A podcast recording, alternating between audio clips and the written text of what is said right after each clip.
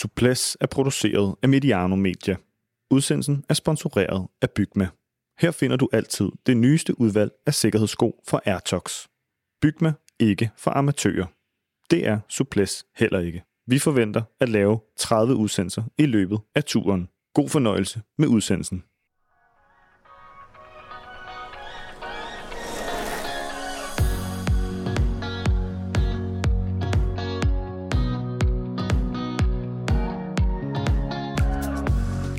Tour de France har lagt bjergene bag sig. Forud venter kun Paris, samt en helt suveræn sejr til Jonas Vingegaard. Om han vinder lige så stort på popularitetsskalaen, diskuterer vi i denne podcast. Giulio Ciccone sikrer sig i dag prikkerne. Jasper Philipsen er i grøn, og Tadej Pogacar er i hvidt. Og så tog Pogacar i øvrigt sin anden etappesejr, og besejrede dermed Vingegaard både i dagens sprint og i kapløbet om at have flest etappesejre i årets Tour de France. Du lytter til Suples, den næstsidste episode under årets Tour de France. Med i studiet Vandløse i dag har jeg som altid Per Bagsager og Lars Mikkelsen, to tidligere rytter og nuværende eksperter. Hej med jer. Hej. Hej. Mit navn er Sebastian Stanbury. Og lad os kaste os ud i afslutningen på dagens etape. Jeg tror, vi i går brugte et kvarter eller sådan noget på at analysere, hvorfor øh, Kasper Askren han tabte den finale på stregen. Jeg tror ikke, vi bruger helt lige så meget i øh, et krudt i dag. Men lad os lige tage dagens afslutning mod mål, hvor der kommer en gruppe med, øh, med favoritterne op til mål. Og hvad sker der så? Altså, det kan du tage, Lars. Du er gammel sprinter. Jamen altså, vi, vi, vi kan jo, hvis vi bare starter med at tage de sidste 500 meter, der har vi jo Adam Yates fortsat i front, som jo har kørt lead-out, øh, og vi kan komme tilbage til, hvorfor han kører lead-out, men han kører et fantastisk lead-out, som Tadej Pogacar prøver at afmåle, hvornår at, at det er tid for at starte sin sprint. Og så overrumpler Jonas Vingegaard ham faktisk i, i et S-sving. Øh, og det var jo, som vi snakker om, det var lige før, det var dagens detalje, men øh, han gjorde det jo ikke færdigt. Så øh, flot sejr til Pogacar, der var jo overhovedet ikke fotofinish der. Han, han vandt jo med flere længder. Øh, og øh, jeg tror, at vi var mange, der var glade på hans vegne. Han, øh, hvorfor var det, at Jonas Vingegaards øh, detalje der var tæt på at blive dagens detalje? Jamen det er jo fordi, at, at man skal jo læse øh, sådan en spurt der, og, og hvis man er altså ikke the upper hand, og det var øh, Jonas jo ikke i den her spurt mand mod mand, der skulle han jo overrumple Pogacar på en eller anden måde. Og det kan man gøre enten fra jul af og starte en, en acceleration, altså starte sin spurt op før end modstanderen gør det, eller man kan lave sådan et overrumplingsnummer, hvor man både øh, skaber sig momentum, altså en højere fart og et lille forspring. Og det var, det var meget flot øh, timet, vil jeg sige. Vil du ikke sige det, Per? Jeg synes, at, at, at når man, man skal have med, at, at Vingegaard, han øh, er jo underdog i, i sådan en spurt mod Pogacar, og så øh, i stedet for bare at sidde og vente på at lade sig slagte og, og lade Boccaccio åbne spurten, så øh, prøver han øh, et, et, et move og et klogt et, smart et, og øh, det, øh, altså han, han, han kunne ikke have gjort det bedre end, end det her. Han tog sin chance, og han tog den smart, og det, det øh, må man, øh, det må man øh, øh, hylde ham for.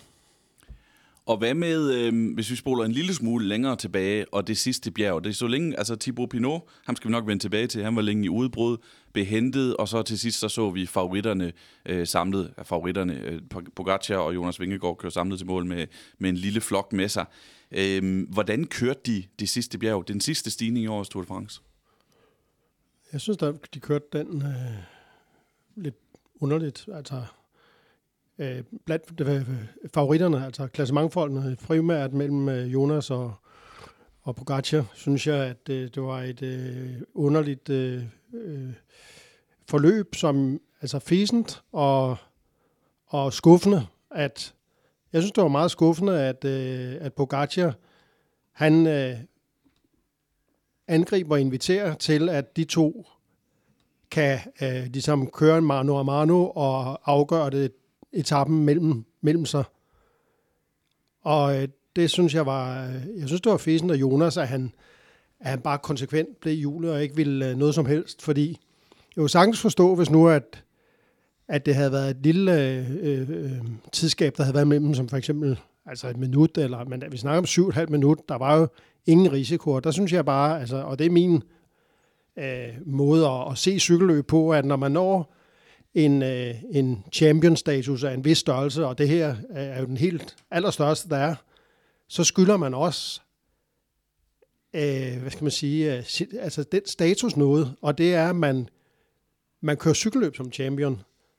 Og jeg forstår ikke, hvorfor han sad hele stigningen op og kiggede sig nervøst tilbage på Pogacar, der var som sagt 7,5 minut efter. Det, øh, jeg synes ikke, det var smukt at se på, det må jeg indrømme. Hvordan analyserede det? Du, du det som, øh, som sportsdirektør, Lars. Hvordan øh, forstod du det? Jamen, jeg forstår egentlig godt uh, Pers vrede og... og nej, nej. Ma- jo, kom nu bare med det, Per. Altså, jeg er skuffet. Ja, far skuffelse. Far er skuffet. Ja, øhm, om, om, omkring øh, den her situation på sidste bjerg, hvor at, at Jonas kører efter det sikre. Og der kan man netop sige i analysen, Tour de France er ikke vundet, før han kører over stregen på Champs-Élysées, og det hele er overstået. Så han skal egentlig have den tanke at gå med livrem og seler, og som vi snakker om, da vi sad og så det sammen, at det kan godt være, at alle desingerne i virkeligheden kommer ned fra, fra førerbunkeren i altså cockpittet, hvor at, at uh, Christian Niermann, Frans Marsen sidder, som giver desinger om, at nu bliver du bare på hjul, og du går ikke forbi, og så videre, så videre, for at køre, altså som jeg siger, det, den sikre vej til en samlet sejr. Øh, der, hvor jeg vil give Per ret, det er jo, når man tager i betragtning af, at, at Jonas' øh, tidsforspring er komfortabelt, og øh, på nær øh, den her lille sandsynlighed for en kæde, der springer, eller en, en øh, tilskuer, som, som kommer i vejen, så havde det jo måske ikke kostet så meget for Jonas at tage spidsen og kollaborere med, med Tadej, da han, han angriber. Og så kunne vi have fået øh, to champions, som kørte hen mod stregen sammen og spurgte om det. Og så havde Pogacar vundet, ligesom han gjorde alligevel i dag. Og Jonas havde måske, som vi talte om, kunne øh, i hvert fald på en, en, en sådan tænken, øh, øh, tænkt øh, situation, kunne han jo have, have valgt enten at sprinte mod Pogacar, eller, øh, eller forære en, en, en sejr til, til hans øh, store rival igennem store dele af Tour de France. Ikke hele Tour de France, det ved vi jo, på grund af etappen øh, med, til Courchevel og, og, og La Lose, hvor han gik øh, helt ned på Pogacar, men jeg, jeg kan godt følge Per lidt i hans kritik. Dejligt. Hvis han, hvis han, skulle, hvis han gerne ville have vundet etappen, skulle han så ikke have angrebet Pogacar, som han tidligere har, tidligere på ugen har vi set, der har været rystet? Jo, men jeg tror, at analysen var, at, at havde han gjort det, og som vi også så, så kunne det godt være, at han havde slået et hul, øh, Jonas.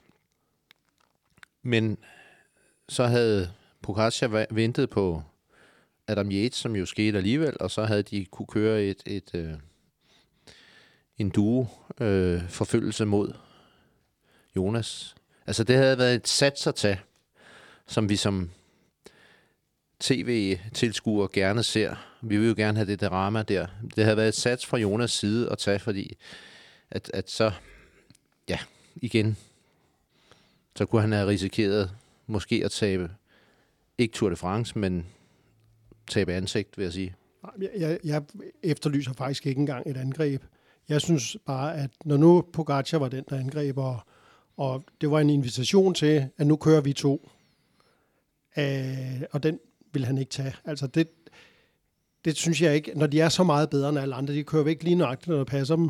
Det havde ikke behøvet at, at koste noget, der bragte nogen i nærheden af limit og, og, og øh, køre rundt de to. Og jeg vil sige, hvis man skal endelig tænke på, i risici, så er det da faktisk øh, mere farligt i forhold til styrt og, og gå inden ud i en sprint med, med fem mennesker, i stedet for bare at være to.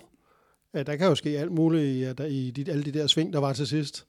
Så øh, øh, ja, der, nu er det jo væltet ind på min messenger med folk, der, der siger det samme som, altså kritiserer det samme som jeg gør. Øh, så øh, der er nok bare ikke ret mange, der tør at sige det højt, fordi øh, det er jo ikke helt øh, i pagt med folkestemningen, men, men nu gør jeg det altså.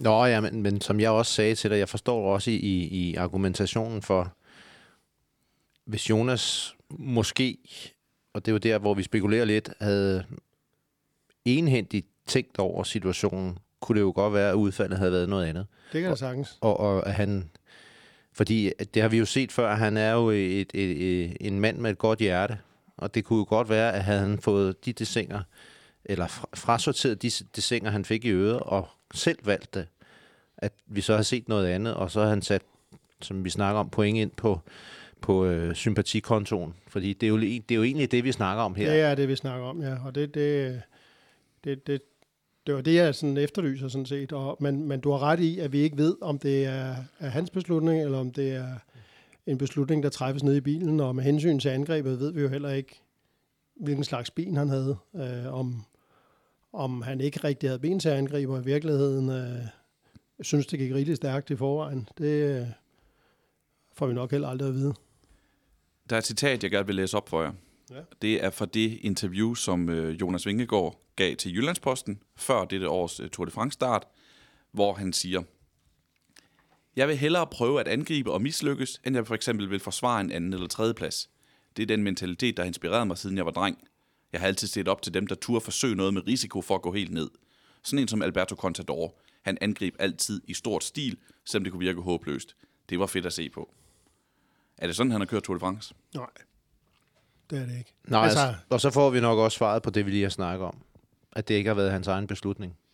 Ja, og det, det øh, passer jo meget godt i, i øh, ind i alt det, vi læser om Jumbo Visma sportsmanagement, og det som øh, Niermann og øh, Marsen og Seemann, at de siger, altså at alting, det er topstyret, og intet overlades til tilfældighederne.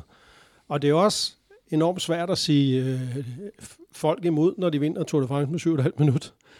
Øh, men, men nej, det er ikke sådan, han har kørt. Øh, jeg synes, han øh, op til turen i, øh, altså især i Dauphiné, kørte han à la Contador. Men, øh, men, men jeg var også øh, en af dem, der forudsagde i tidligere podcast, at at jeg ikke troede, han ville gøre det i turen, fordi der tror jeg, at, at, at Jumbo Visma er for forsigtige. Altså, at de ikke øh, tillader noget som helst, der er behæftet med risiko. Fordi de ved meget nøje, hvad det er, Jonas han kan. Og der holder de altså inden for, for rammerne af det. Og det er jo også øh, klogt, hvis man vinder turen. Men jeg vil sige, den, altså, enkeltstarten var, var jo fuldstændig en anden verden.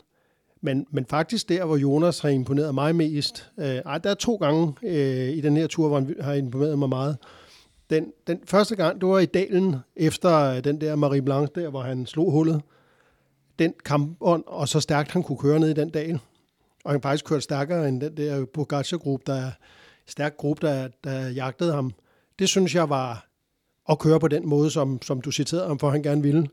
Og så synes jeg, at dagen efter, da han ville prøve at snøre sækken på Tourmalet og på, øh, nu kan jeg ikke engang huske, hvad den hed, den der stigning op til, øh, hvor Pogacar så endte med at sætte ham.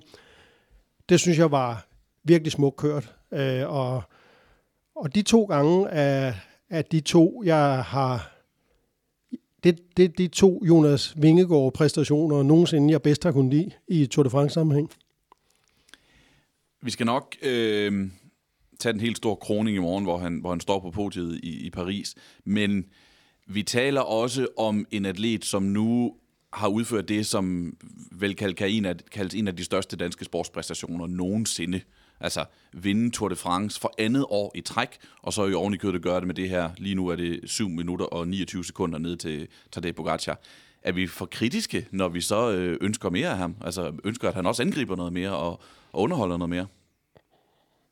Ja, det er jo nok fordi, at situationen er, som, som den nu engang er, at, at som vi snakker om, øh, da Pocaccia eksploderede, så gik spændingen ud af det, og øh, så i stedet for, og, og det, det, det øh, påtager jeg mig også selv en gang imellem, så, så, så har vi ikke så meget fokus på Jonas' præstation, og det er jo sådan set lidt utaknemmeligt, øh, fordi at vi forventer, at det kan ikke gå galt. Er det ikke rigtigt, Per? Altså, Jo, altså, jo, jo, det er jeg helt enig i. og, og derfor også i den her podcast, så analyserer vi måske mere på, hvad der sker der, hvor der er mere spænding. Og, øh, I og med, at spændingen forsvandt mellem Pogacar og, og, og Jonas Vingegaard. Altså, jeg, jeg tror, det, det, er lidt, det er lidt det, vi, øh, vi, bliver, vi havner i, og, og, og, og, og derfor vil jeg gerne bruge lejligheden til at netop at hylde Jonas' øh, præstation. Øh, og vi har, vi har før øh, hyldet Jumbo Vismas præstation, øh, at, vi øh, forholder os lidt nøgtern og, og, og kritisk til, til nogle af deres dispositioner. Det mener jeg også lidt af vores opgave i, i det her øh, forum. Øh, men, men, men det er rigtigt. Det tager jo intet af, øh, hvor stor en, en sportspræstation om... Øh, ja, ja, nu ved jeg ikke, hvorfor det her kommer til mig, men en gang imellem kan man godt undre sig over, at, at vi i Danmark med det... Med de kvaliteter, vi har, øhm, kan, kan lave en, en, en, en, en detur omkring en Tour de France-rytter, øh, hvis vi snakker om Hall of Fame blandt øh, danske atleter. Og øh, en gang imellem kommer, ja, han bør i hvert fald komme i Hall of Fame. Det kommer han nok også. Men det, øh, det ligger nogle år ud i fremtiden, fordi han skal jo køre cykelhøb øh, i mange år endnu, håber vi da. Ja, det, men altså, en ting, man må øh, rose Jonas til, sky, Jonas til skyerne for, det er jo hans, hans driftssikkerhed. Den er jo helt enestående. Altså, han, han, han svinger jo ikke. Han er jo fuldstændig øh, pålidelig i forhold til performance over tre uger. Og ikke nok med det, han laver heller ingen fejl, og det tredje øh, Tour de France træk, hvor ikke man kan gribe ham i en fejl. Altså han sidder ikke forkert i feltet. Han øh, kører ikke dårligt nedad. Han øh, behersker sin øh, enkeltstartscykel til perfektion. Kører øh, stærkt i sving. Han øh, bruger sit hold. Det er selvfølgelig også styret af, af delvis af bilen, men altså han... Og der er han jo blevet endnu bedre. Altså man kan jo se, at hans måde, han kommunikerer på nu i forhold til, til de foregående to år, hvordan han er blevet meget mere en, øh, en chef, og han, at det, at det er ham, der siger noget. Han sidder ikke og venter på, at bilen skal sige til, til Van Barle eller Laporte, hvad de skal gøre. Han, øh, han er med til at styre tingene, og øh, det niveau, han kan levere på over tre uger, er jo fuldstændig enestående og, og sådan on par med de største øh, Tour de France-mester i hele historien.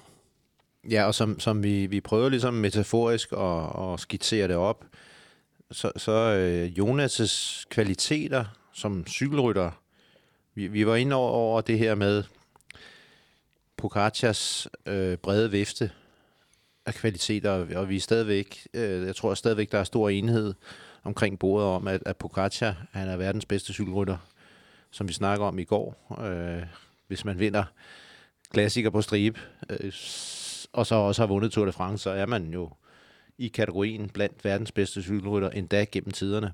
Øh, men tilbage til puslespillet, hvor at Jonas har, har været den brik, som, som øh, Jumbo Visma har søgt øh, efter Roglic. For Roglic har jo ligesom været deres brik som klassementsrytteren i det puslespil, som de har, de har sat sammen.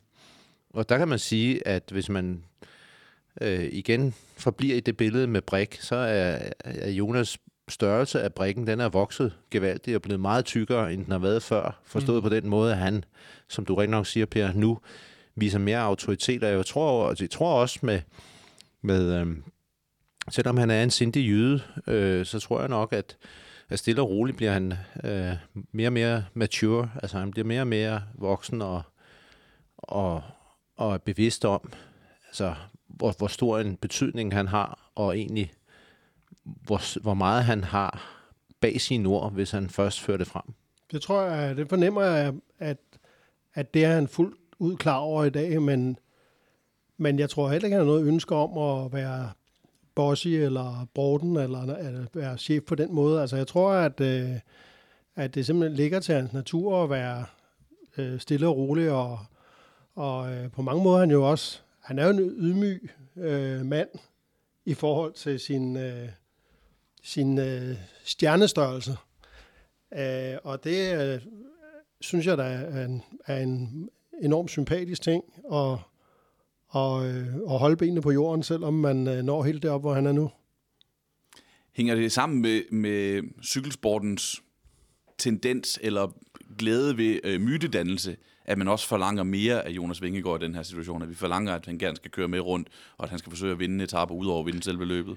Nå, ja, men altså, jeg tror, at, at, at det for mange ser man jo gerne den perfekte champion. Altså, det er jo i hvilken som helst sportsgren. Øh, men hvis vi tager fodbold, altså, så er der jo Cristiano Ronaldo-fans, og, og, og så er der Messi-fans. Altså, og de to mennesker repræsenterer vidt forskellige værdier. Øh, og der har vi så Jonas, som, øh, som den lille ydmyge mand fra, fra Glyngøre, som kommer ind med danske værdier og øh, kommer ind også med, med et temperament, som er måske, jeg vil ikke, jeg vil ikke sætte procentdel af, men det er i hvert fald et temperament, der op imod Pogacar eksempelvis er lavere. Det er mere kontrolleret. Helt sikkert. Øh, og det er, jo, det er jo der, hvor vi kommer hen til den der glansbillede ting, som vi alle sammen ønsker os. Vi, nogle gange vil vi gerne se ham cool, og nogle gange vil vi gerne se ham lidt mere øh, temperamentsfuld. Men øh, der ligger jo også sådan en, en, en arv, øh, en champion-arv i cykelsporten, at altså, hvad er det for en selvforståelse, vi er vant til en champion, en stor mester, som Jonas jo er nu, øh, har af at være i den rolle. Og, øh, og, og hvis man tager, den tager øh, i, tilbage i tiden, hvis man tager altså Eddie Merckx eller, eller Bernard eller Indurain eller Armstrong, Contador, kunne jo aldrig finde på ikke at køre rundt, altså i sådan en situation, fordi deres selvforståelse vil være, jeg er en mester, så derfor kører jeg som en mester. Jeg vil vise, at jeg er det. Mens at jeg tror, og jeg tror virkelig på, at det er rigtigt, når Jonas han siger, at han er fuldstændig ligeglad med folk, de synes om ham. Det tror jeg, han er i stand til at abstrahere for, og det er på mange måder en enorm styrke. Og, men jeg tror også måske i denne her situation, øh, altså når det gælder lige nøjagtigt det her, at der er han også ligeglad. Altså, hvor han tænker, jeg, jeg er kommet for at vinde turen, og det gør jeg bedst ved at høre efter det, der bliver sagt fra bilen. Fordi de andre, jeg lige nævnte, de havde været fløjtende ligeglade, hvad sportsdirektøren havde sagt. De havde bare kørt, som det passede dem. Lad os, øh, lad os så gå videre til en mand, som i hvert fald helt sikkert er, er populær. Og det er Thibaut Pinot. Lars, du sagde i går, at du drømte om at se ham som en, øh, en profil på etappen. Det skal jeg love for, at vi fik at se. Hvorfor var det, at, øh, at du så gerne ville se ham? Jamen, det, det er jo lidt med hjertet, øh, og, og, og jeg synes også, at han, apropos hjerte, gik ind i, i den her 20. etape med et løvehjerte. Han, han øh, kører med øh, øh fra start af, opsøger udbrudene, øh, Øh, selekterer sit moment til at køre op øh, til gruppen med Chicone, øh, som jo på daværende tidspunkt stadigvæk kørte efter bjergpointene for at sætte sit angreb ind.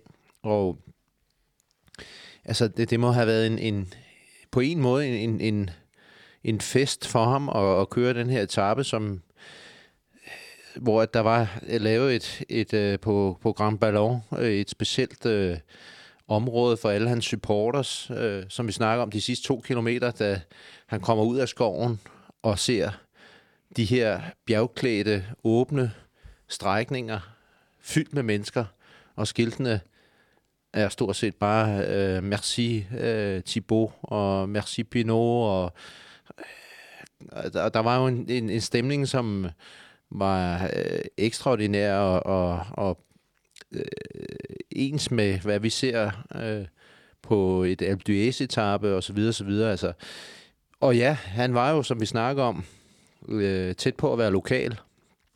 Så det var jo en, en, en hyldest, øh, måske allerede i scenesat fra ASO's side, da de planlægger turen. Det kunne man sagtens forestille sig. De, øh, der ligger jo mange af den slags tanker bag ved, øh, ved rutens design. Så jeg tror, det er et meget godt bud, du kom med der faktisk. Øhm, og jeg synes også, det var en smuk etape. Altså øh, på alle måder, både sådan topografisk og, og øh, landskabsmæssigt. Øh, en flot øh, afslutning på turen. Men øh, også, altså, jeg er enig i det, du siger om Pinot, og han er jo sådan en øh, der er sådan noget tragisk helt over ham. Øh, fordi han er jo en held, han er jo en champion, men der er også en eller anden tragisk skikkelse ved ham, som, som øh, altså, som han har set adskillige sammenbrud og mange tårer og sådan nogle ting.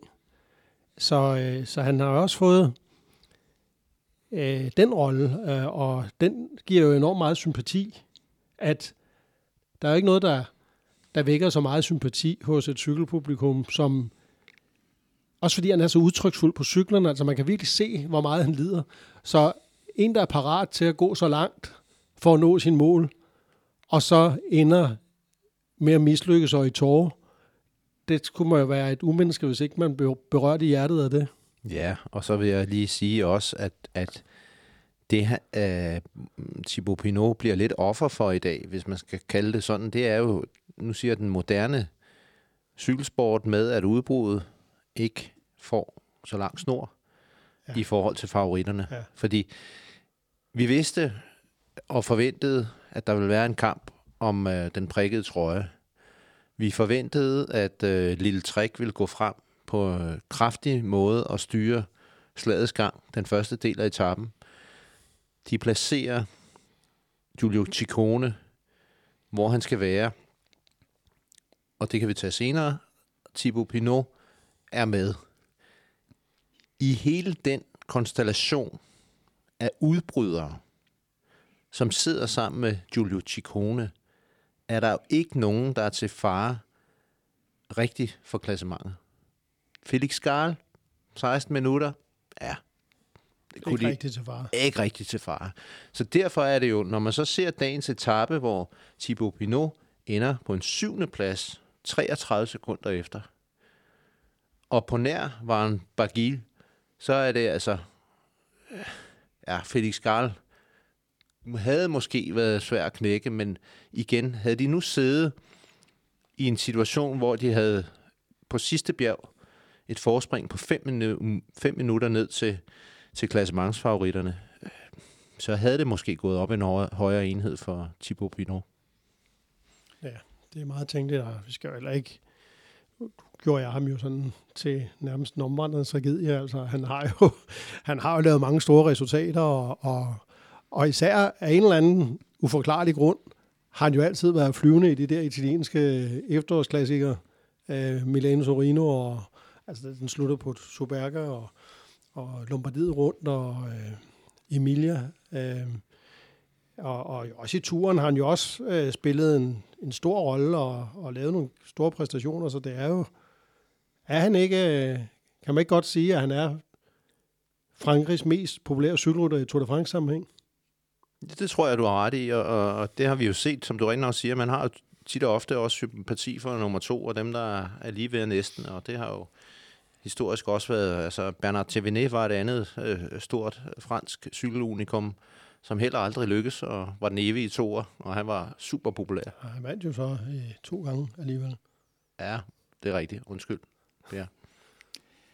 I hvert fald så Thibaut Pinot, han fik øh, sin øh, flotte afsked med Tour de France på sin øh, næstsidste etape, inden han stopper karrieren efter den her sæson.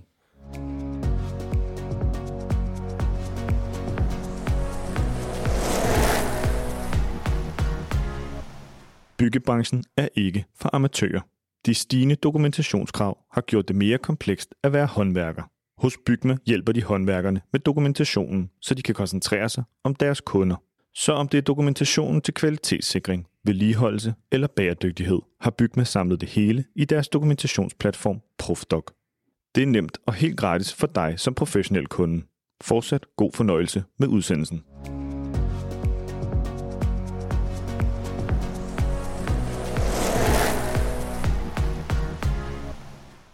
Lad os gå til dagens detalje, bragt i samarbejde med Bygma, ikke for amatører. Og Per, du har tørnen i dag.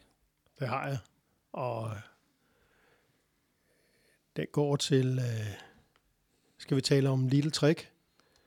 Fordi i går, der så vi jo, hvordan øh, Mads Pedersen, han øh, kørte en fuldstændig forrygende etape, men var mutters alene, og, og øh, da det der store øh, gruppe kom op til det lille udbrud, han sad i, der var der ikke en eneste af hans holdkammerater, der var øh, med, så han var isoleret, Og nu hørte jeg i øh, et interview med ham i morges øh, på tv, hvor han fortalte, at de havde fået et ordentligt møgfald øh, på hotellet i aftes, fordi at, at de havde snork sovet, og, og øh, han havde skældt dem ud og sagt, at det var det er vi simpelthen for godt et cykelhold til at køre så elendigt. Og øh, på den baggrund, når man sådan, og han er jo kaptajn, skal vi jo huske på, så at blive svigtet af sit hold som kaptajn, det kunne jo få mange øh, andre til at, at øh, surmule og sige, jamen så kan Sikone fandme også få lov at køre efter sin bjergtrøje selv. Men der øh, tog Mads Pedersen altså arbejdstøjet på, og, og øh, var, gik i front, og var, var den, der, der øh, øh der gjorde det grove arbejde og kørte som en motorcykel af den første del af etappen for Chikone. Så i stedet for at blive, øh, blive, blive sur og fornærmet, så gik han altså ud og viste sit hold, hvordan det er, man gør for kollektivet, når der er en, øh, en opgave, der skal løses. Og det synes jeg var altså enormt professionelt. Og øh, det er jo det, det her, det handler om øh, med dagens detalje, at øh, det skal det være.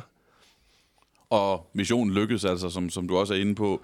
Øh, Gicone, han tog de første fire bjergspurter ja. og kørte først over stregen der, og jublede dermed også, da han kørte over den fjerde, fordi så vandt han også den prikkede trøje, og den kunne ikke tages fra ham igen. Og det var en enorm flot øh, kollektiv indsats øh, af, af, af Trek, altså med, ja, det var jo med Mads Pedersen og, og Mathias Skelmose, der, der var hovedmændene. Skelmose lavede jo en formidabel øh, præstation, da de så kom ind i bjergene.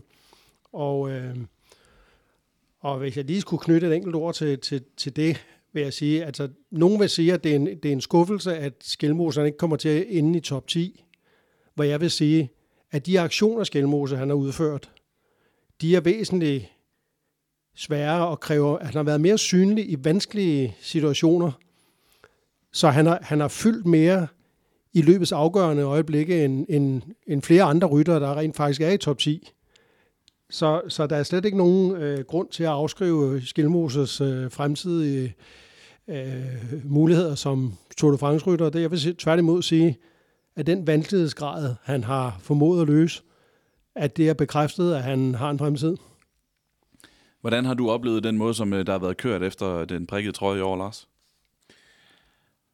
Jamen, øh, jeg bifalder jo og hylder øh, den prikkede trøje. Det er jo et ingrediens i, i uh, Tour de France, som, som skaber kolorit og spænding. Øh, ikke kun for selve konkurrencen og, og dem, der nu øh, aspirerer til at og, og skulle kæmpe om det, men, men det er jo også et element, som i, altså på flere etaper er en agenda, der til tider kan øh, dreje lidt om på klassementet eller på etappesejre. Eller, altså, så det, det er fantastisk, man har øh, den her konkurrence, og der er så stor interesse om det.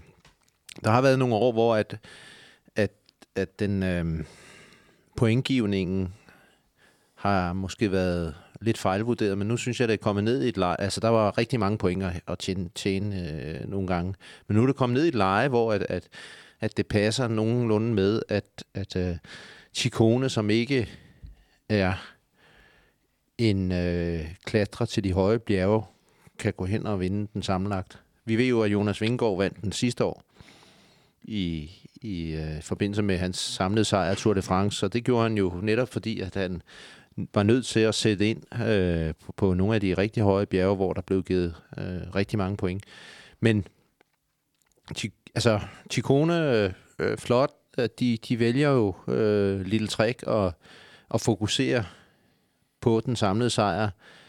Øh, ikke, ja, efter halvdelen af Tour de France er kørt, vil jeg sige. Ikke?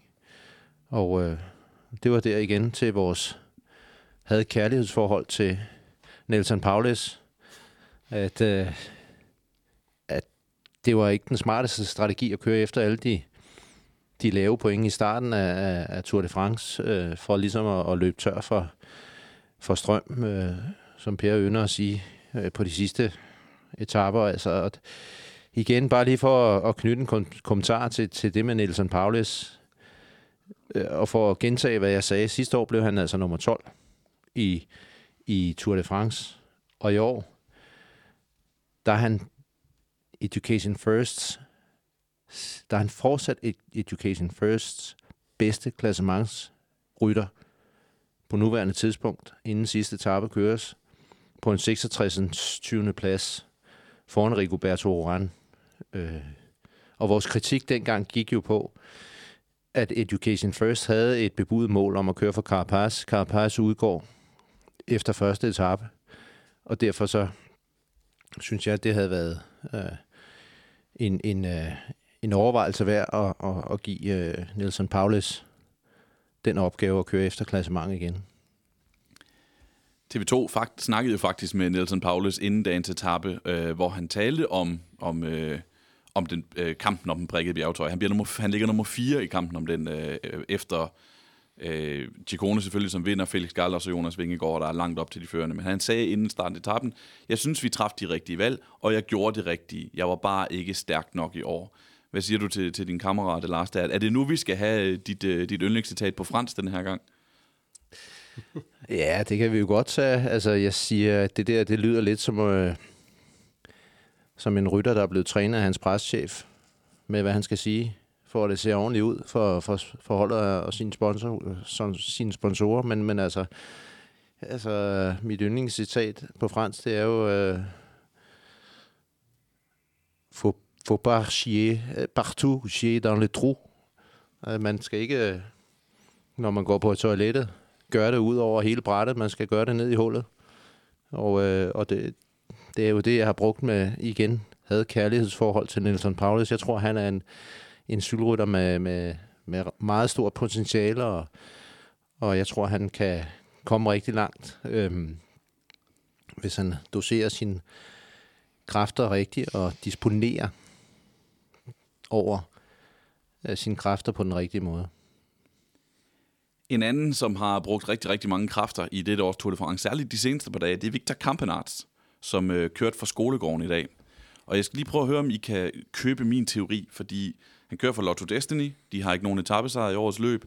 Jeg tror, at han tog det der udbrud, hvor han øh, kørte for land, øh, som sagt kørte for skolegården, men selvfølgelig ikke var i nærheden af at kunne køre hele vejen til, øh, til etappesejren, for at blive årets mest kampløste, skråstrej angrebsivrige rytter og vinde den pris. Kan I købe den teori? Jeg tror, det er, fordi han er jo opflasket som cykelrytter af Lars Mikkelsen. så der tror jeg bare, at han simpelthen har lært, at det er angreb ud af skolegården. Ej, jeg synes, det lyder meget, øh, en, som meget øh, plausibel teori, faktisk. Hvem, hvem vil lige stemme på? Altså, hvem, hvem, hvem har været årets mest kampløstende cykelrytter? Den her, det er den her kompatibilitetspris, øh, som jo bliver uddelt af en jury, som, øh, som, som er lidt svær at oversætte til dansk, Lars. Det, det, det informerede du os om forleden dag. Ja, altså det er jo...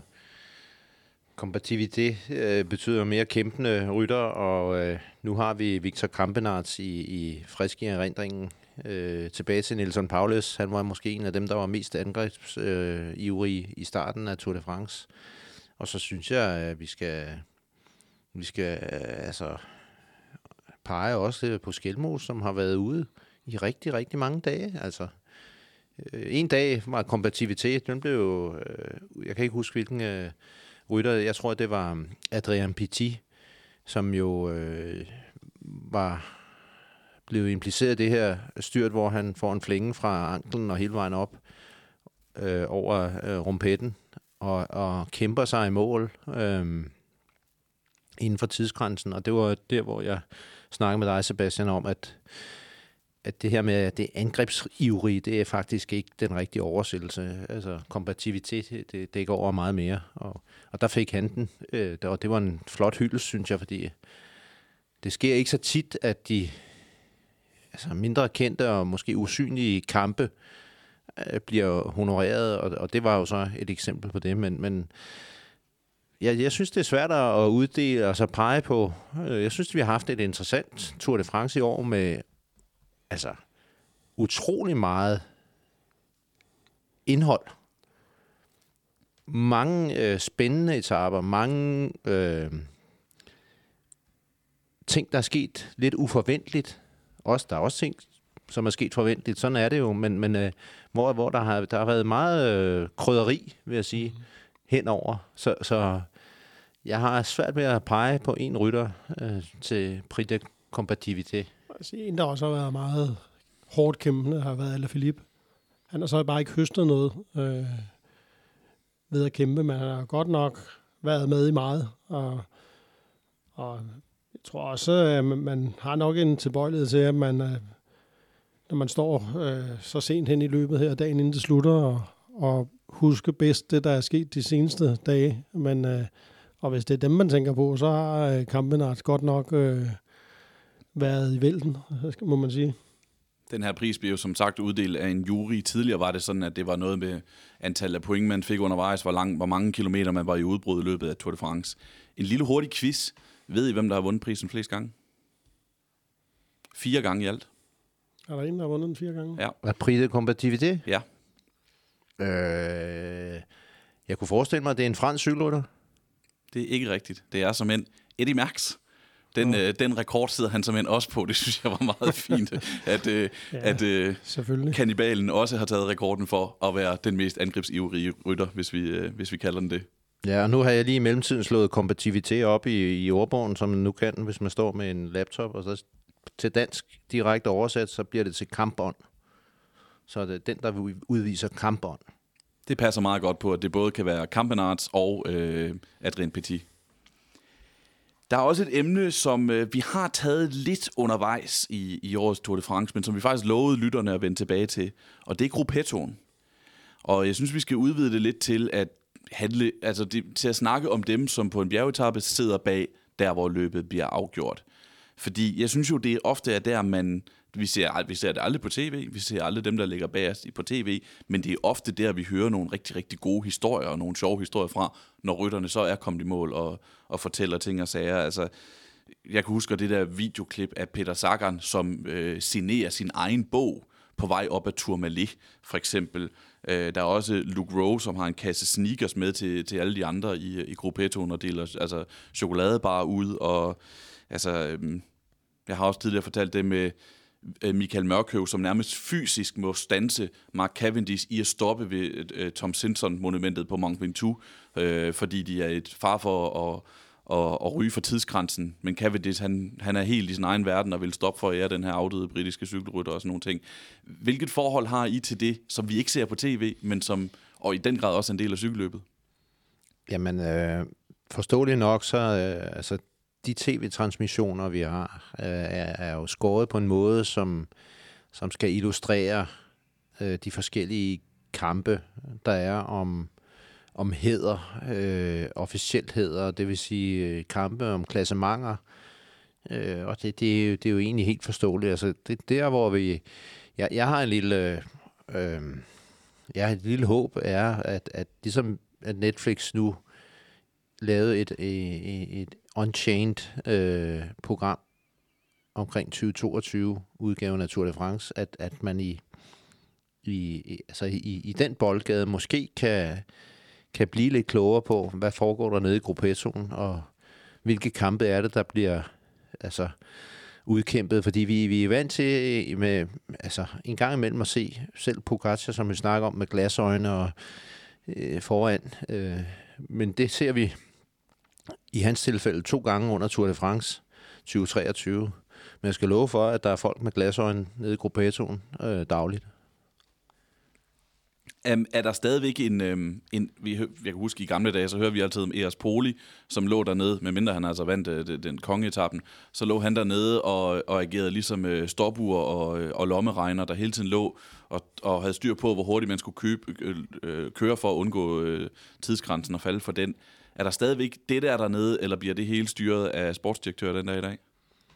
Ja, i dag er det sportsdirektør. Altså, der hvor sportsdirektørerne kan komme til kort, det er, hvis man øh, har et, et, et, et, et cykelhold, som eksempelvis har en rytter i udbrud, og en kaptajn i, nu siger jeg, favoritgruppen, og så nogle mennesker i gruppettoen. Fordi så, så burde du egentlig have tre sportsdirektørbiler, men det er kun tilladt at have to.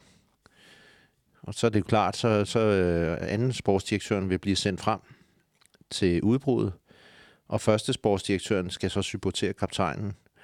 Og første sportsdirektøren bliver så måske nødt til en gang imellem at, at holde ind til siden og vente i 5 minutter, 10 minutter, men 10 minutter, så er man allerede i problemer for at komme tilbage og hjælpe til med, øh, med dem i gruppetonen. Men ellers så, så er der jo i Tour de France, som I har, har lagt mærke til, de her øh, motorcykler, så, cykler, som, som deler vand ud, og så må man sætte sin lid til det, eller man øh, må gå på telefonen og, og, og ringe, altså analysere i, i, i forhold til de informationer, man får blandt øh, de forskellige hold.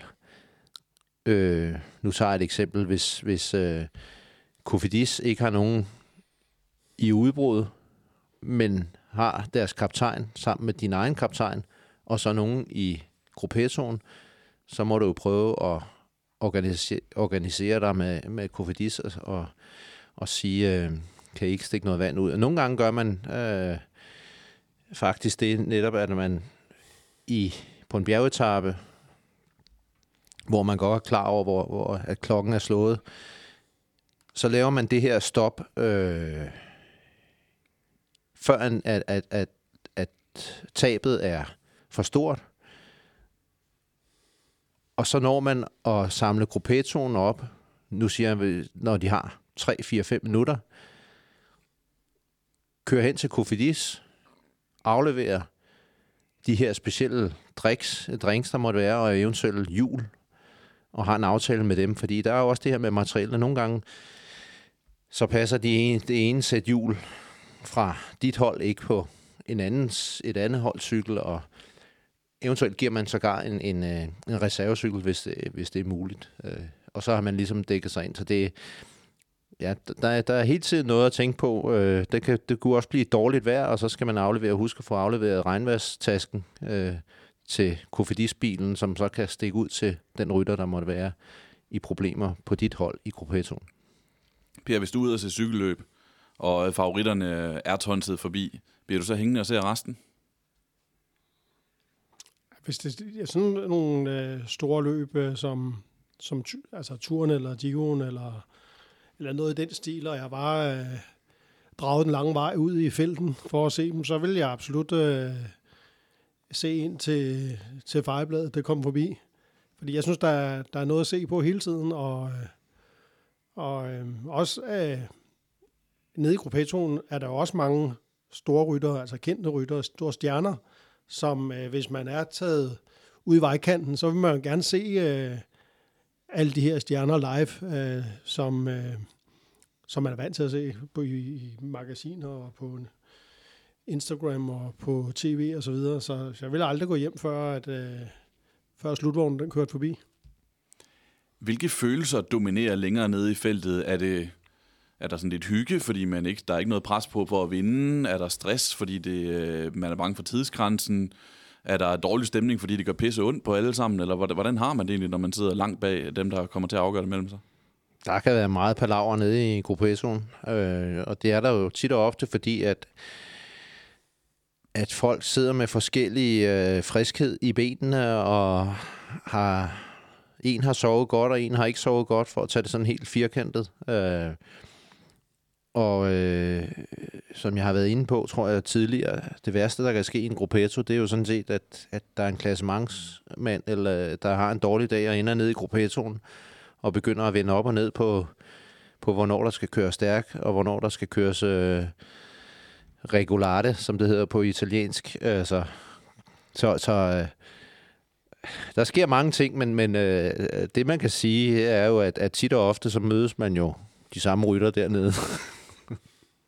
Men det er jo... Øh, øh, øh stemningen øh, øh, bestemmes jo af, hvordan man har det. Og øh, der er jo nogle gange, hvor hele gruppetonen er i fare. Der er jo en alvorsstemning, for så skal man jo hjem og klare tidskortet. Men, men, men der sidder jo sådan en gruppetto, sidder der jo mange forskellige... Øh, der er jo repræsenteret mange forskellige tilstande.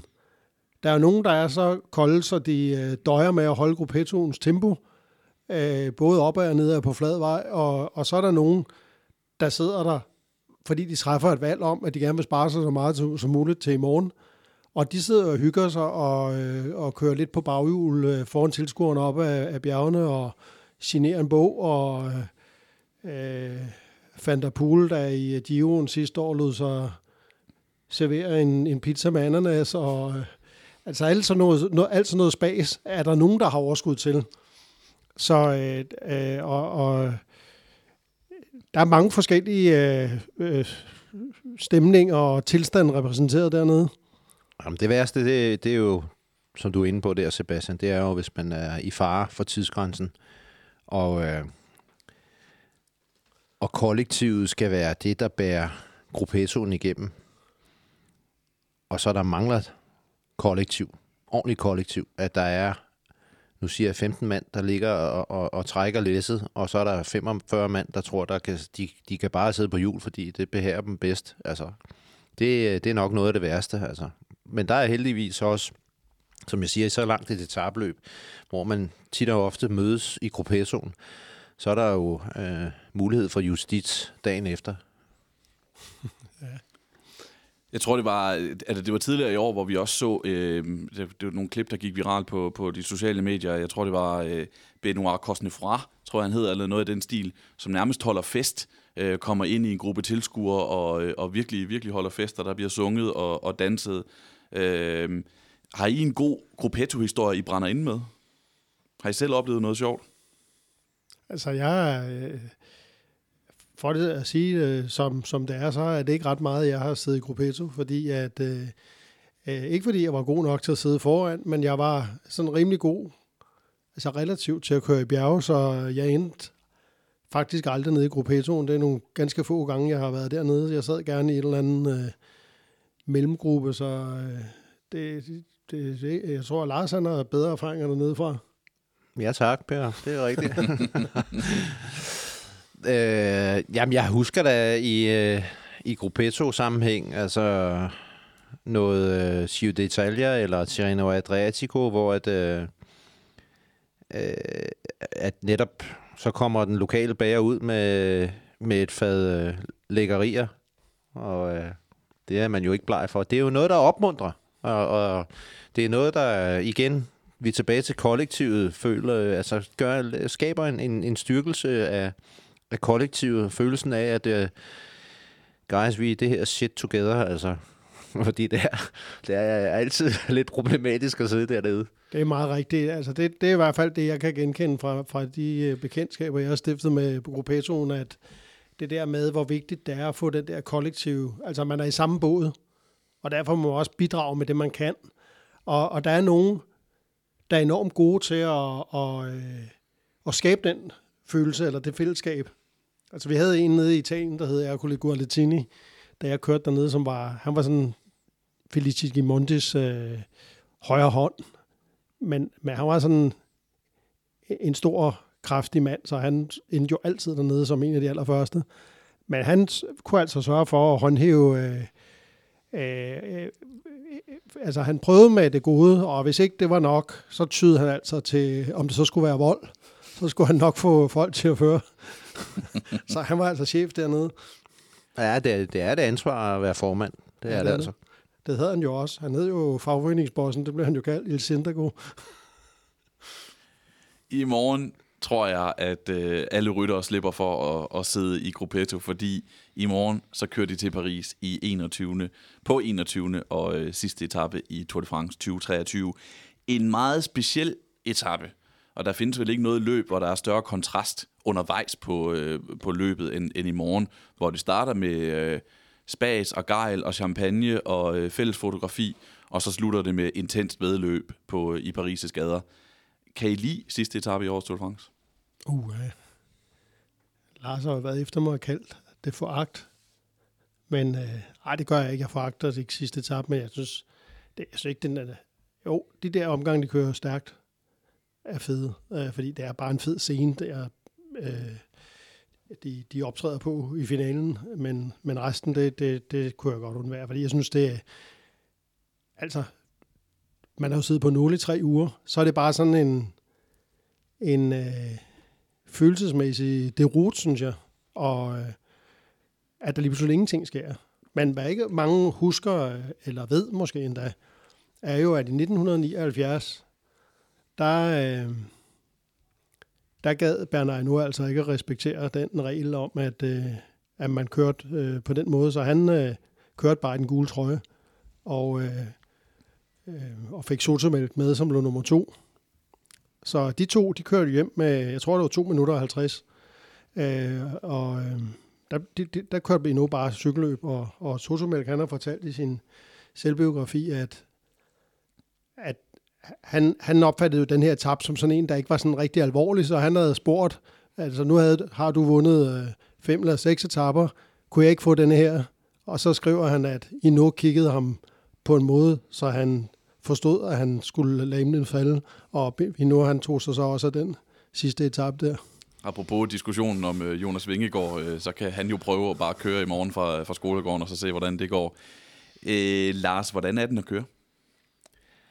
Jamen, øh, det, det er jo ligesom at se, øh, nu siger jeg øh, racerløb, øh, eller Formel 1 på Francorchamps Spa, hvor man øh, ser billederne fra tv og tænker, at ja, det er en, det er en flad omgang, men det er det jo slet ikke. Jo. Øh, dem, der har været nede omkring øh, Spa og se racerbanen i Spa, altså der er nogle vilde, øh, vældige øh, højdeforskelle og stigninger på, og det er der jo altså også på Champs-Élysées. Øh, mange har måske endda gået øh, på promenaden frem og tilbage på Champs-Élysées og lagt mærke til det, men, men det er klart, når der bliver kørt vedløb med, nu siger jeg groft sagt, to øh, uvendepunkter, øh, så er der jo jamen, så er der, der er fuld, fuld knald på, og øh, det er jo ikke sådan en, øh, en 200 meter strækning med brosten. Øh, det er jo flere kilometer, man, man kører øh, ned fra præsidentpalæet, hvor at øh, efter Place de la Concorde, hvor, hvor at, øh, man svinger ind på Champs-Élysées og har præsidentpalæet på sin højre side, og så målstregen.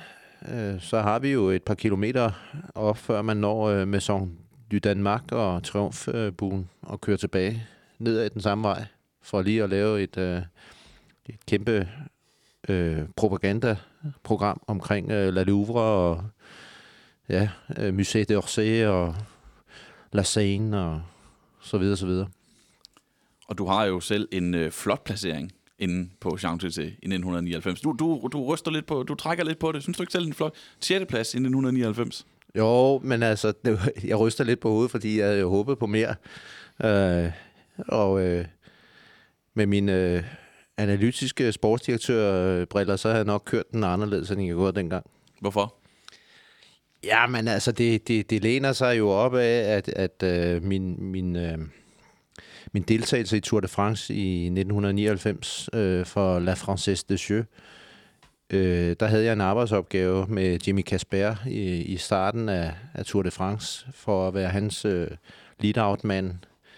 Og øh, lavede også øh, arbejde som forventet, vil jeg sige. Øh, Jimmy Casper havde så ikke benene til at vinde en etape, men det var jo også, øh, altså, jamen, det var hård modstand, når, når vi snakker om øh, Erik Sabel, øh, Robbie McEwen, øh, Mario Cipollini, øh, Jan Kirsipu, øh, ja, der var rigtig altså svurater for at tage nogle af de store sprinter. Det var ikke nemt at, at skulle vinde de der spurter, men, men, øh, men Jimmy Kasper, øh, som er en, en lille mand, øh, tenderende med, med øh, øh, en fysisk øh, udstråling som en vægtløfter eller en fodboldspiller med nogle ordentlige øh, lovbasser, han, øh, han må strække hver, da, da terrænet blev for hårdt. Og så fik jeg jo lov, efter at have hjulpet klassementsrytterne at køre mine sprinter. Vi kørte med uger derovre, henholdsvis i Bordeaux og på Champs-Élysées. Og så kunne jeg jo se, at, at jeg heller ikke havde den øh, eksplosion og den, den topfart, som, som topsprinterne havde. Så jeg tænkte, nu skal det være løgn på Champs-Élysées nu, øh, når vi kommer forbi Paris og hjulet og kører hen mod Place de la Concorde, så kommer jeg med et halvt angreb ned bagfra fra cirka 15. position og prøver at, at, at få et øh, ja, få lanceret en, en, en hastighed, der er højere, når vi svinger ind på øh, Champs-Élysées fra Place de la Concorde. Og, og det lykkedes egentlig også, øh, men, men øh, Steffen Wesemann, som var lead-out-mand, øh, eller ja, halv lead-out-mand for Frederik Sabel, øh, han var vaks ved havelån og, og var efter mig næsten med det samme, og fik også, øh, ja, altså, han fik styr på det, det angreb, kan vi sige. Og så endte det jo så med, at, at, at jeg ikke fik det tilsigtede lille hul til sprinterne. Og så er de bare for hurtige. Altså Tom Stils inklusiv. Jeg tror også, han var med. Hvem kan slå Jasper Philips i morgen? Nu plejer vi jo at kigge på et newsblads, Unse som de kalder den. Vores stjerner. Philipsen har selvfølgelig tre stjerner som den eneste.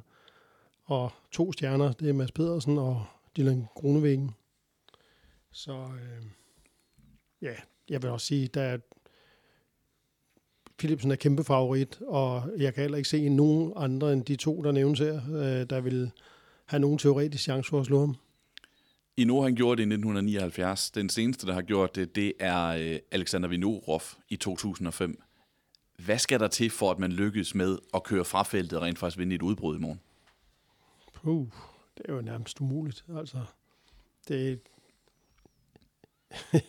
jeg, jeg kan ikke, øh, har ikke et bud på formlen, fordi der bliver jo kørt så stærkt øh, i de sprintertog i dag, så, så der er jo ikke nogen, der kan sidde ude i vinden i hverken en eller to kilometer med, med, med den fart, der skal til. Jeg ved ikke, om Lars har et øh, bud på, hvad man kunne gøre. Nej, men jeg tror ikke, altså som du selv siger, så vi nu går ofte efterhånden mange år tilbage i tiden, og det er en anderledes øh, form for cykelsport, der køres i dag. Og havde det været sådan, at, at, øh, at alle de store sprinter, nu peger vi jo på Jasper Philipsen, øh, og tage han, ham som eksempel, hvis det, hvis det var sådan, han, han kun havde to holdkammerater tilbage, så kunne man begynde at, at spekulere i, om de kunne holde sammen på det, men det er jo ikke tilfældet. Altså, dem, som du peger på nu, øh, Dylan Grønnevæggen inklusiv, og Mads Pedersen, jamen det er jo alle sammen tre, der kan sprinte hurtigt, og som har, nu har jeg ikke lige slået det op, men er øh, mellem 6 og 7 holdkammerater tilbage. Og, og, og bare det faktum, det gør, at, at når man kommer ind og skal køre den sidste gode time på Champs-Élysées, øh, og selvom man har næsten tre uger i, i, i benene, så får man selvfølgelig samling på tropperne og får sikret, at det bliver en samlet spurt. Vi slutter en lille smule anderledes i dag, fordi Per, du har sammen med øh, Michael Benson skrevet bogen 111 steder i Tour de France, som du skal se.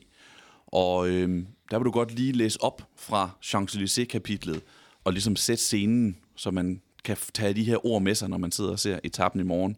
Men før det, så vil jeg godt lige sige tak til jer to, Lars og Per. Tak i lige måde. Tak i lige måde. Tak til Bygma, som er partner på udsendelsen og bestemt ikke er for amatører. Og tak til jer lyttere. Per, take it away. Ja, jeg har skrevet således. Ingen cykelrytter ankommer til Champs-Élysées uden at få gåsehud. Bag ham ligger tre ugers ufattelige strabasser, og nu er det lige straks slut. Paris, Frankrig og verden modtager og hylder feltet. Ægtefæller, kærester, børn og forældre står og venter, og de er så utålmodige som rytterne. Følelsen må være den samme, som den en romersk legionær har haft, når han med sin hær vandrede ind i Rom i triumftog efter en lang krigstogt. Brølet ved ankomsten er enormt, og man må man så op for at huske på, at der skal køre stærkt en times tid endnu. Og stærkt går det derinde på rundstrækningen. Op ad bakken, forbi mål og op mod triumfbuen må man køre helt ude i siden af vejen, hvor brostenen er jævnest. Man hamrer afsted med 50 km i timen og med den højre pedal millimeter fra kantstenen, hver gang den er i bund. Og man snitter tilskuernes mobiltelefoner, der holdes ud over barriererne. Så er det rundt om triumfbuen og nedad med 70 km i timen. Cyklen hopper og danser på brostenene, og det er en lise, når man endelig rammer asfalten og skal ned i tunnelen og over Concordpladsen, inden det igen går løs op mod mål. Man er lidt på sadlen i tre uger, men den sidste halve time vil ingen ende tage, synes man. Men det gør den, og pludselig kan man slippe trådet, og det er svært at fatte, at det hele nu er slut. Man er lykkelig over at gense sin familie, og over at lidelserne nu er til endebragt. Men man ved også, at i morgen venter tomheden.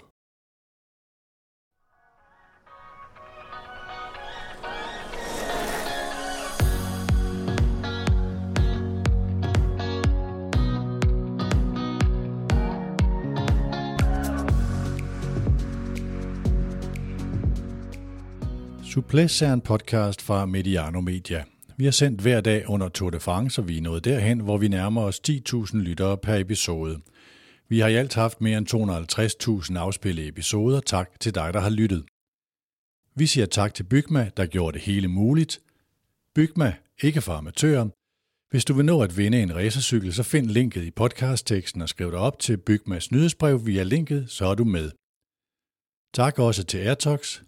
Du finder altid de nyeste sikkerhedssko fra Airtox i Bygma. Vi gør klar til at trække stikket ud af suplæs, når den sidste udsendelse er lavet søndag, og siger tak for denne gang. Hvis din virksomhed gerne vil høre mere om suplæs, og I gerne vil være dem, der synes, vi skal fortsætte med at lave udsendelser, for eksempel en gang om ugen, så skriv til os på kontakt mediano.nu. Vi har også syntes, det var sjovt at lave suplæs, og vi vil sådan set gerne fortsætte. Det kan godt være, at det først bliver til turen næste år, men hvis vi finder en partner, der vil stå bag dette format det kommende år, så tager vi gerne den dialog. Tak fordi du valgte Suplæs.